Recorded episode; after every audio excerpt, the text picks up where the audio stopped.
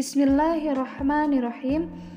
Teman-teman, di episode ketiga ini saya akan mencoba menjelaskan bagaimana cara pengiriman untuk ekspor gitu setelah kita mendapatkan buyer, setelah deal. Ya, setelah mendapatkan transferan. Bagaimana cara mengirimnya? Oke. Uh, langsung saja.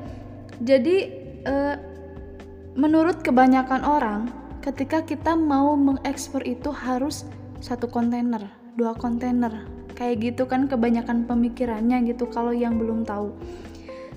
Tapi sebetulnya enggak. Ekspor ini bisa retail gitu. Nah, pengiriman barang ekspor ini ada tiga. Yang pertama, pengiriman secara retail yang kedua less than container load. Nah, maksudnya adalah pengiriman di bawah satu kontainer.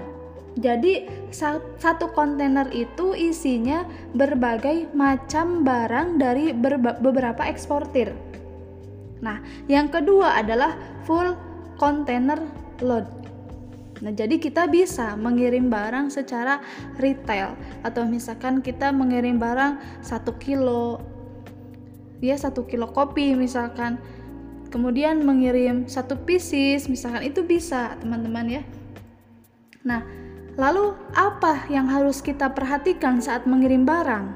Apa saja sih? Oke nah yang pertama adalah kita harus tetapkan harga sesuai dengan harga di negara tujuan. Nah supaya kita itu uh, gak rugi jadi kita harus sudah bisa menetapkan harga sesuai dengan harga di negara tujuan ekspor. Nah, lalu yang kedua adalah masukkan biaya kurir atau biaya pengiriman. Itu jangan lupa dimasukkan juga, jangan sampai kita itu rugi juga menanggung beban biaya kurir gitu yang seharusnya biaya kurir ini ditanggung oleh importir gitu ya. Nah, lalu yang ketiga ini adalah masukkan biaya tambahan. Nah, ini biaya tambahan itu pasti selalu ada. Biasanya kita itu rugi karena ada biaya tambahan. Oh, ternyata ada biaya tambahan yang seharusnya untung malah kita itu rugi, teman-teman. Jadi itu harus diperhatikan. Nah, biaya tambahan ini biaya tambahan apa sih? Nah, biaya tambahan ini adalah biaya pembuatan dokumen ya seperti yang sudah dijelaskan di episode pertama tentang dokumen itu ada seperti dokumen pitosanitary itu sebenarnya gratis kalau kita mau mengurusnya gitu mengurus langsung ke sana tapi dikarenakan misalkan kita dari pelosok atau dari tempat yang jauh dari kota jadi biasanya pitosanitary ini dibuatkan oleh kurir dan itu harus ada biayanya. Makanya itu juga harus dicatat. Kita harus udah tahu berapa biaya pembuatan pitosanitary ini dari awal. Kita harus udah tahu.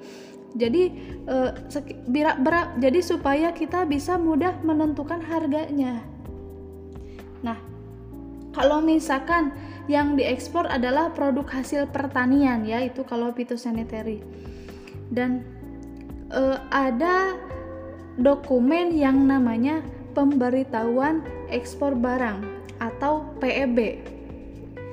Nah, PEB ini juga biasanya kalau misalkan pengirimannya retail itu dibuatkan oleh kurir.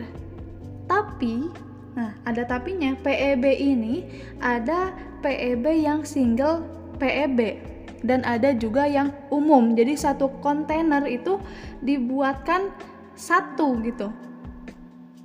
Sedangkan kita misalkan mengirimnya hanya 5 kilo saja nggak satu kontainer full punya kita.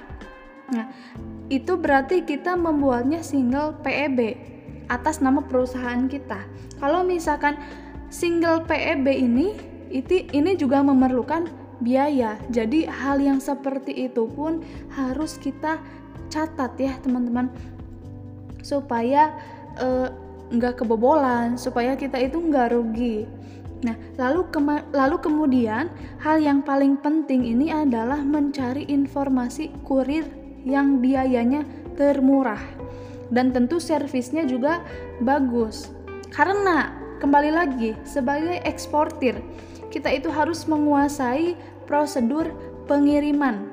Berapa lama di perjalanan dan perkiraan sampainya.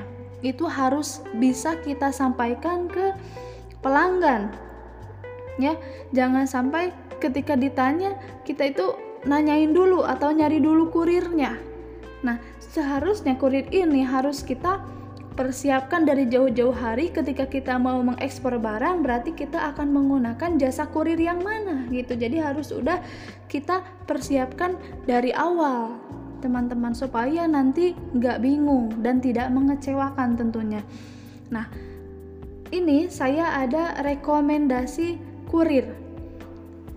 Rekomendasi kurir dari saya itu ada DHL, FedEx, TNT, EMS ya. EMS ini adalah uh, kantor pos atau Aramex.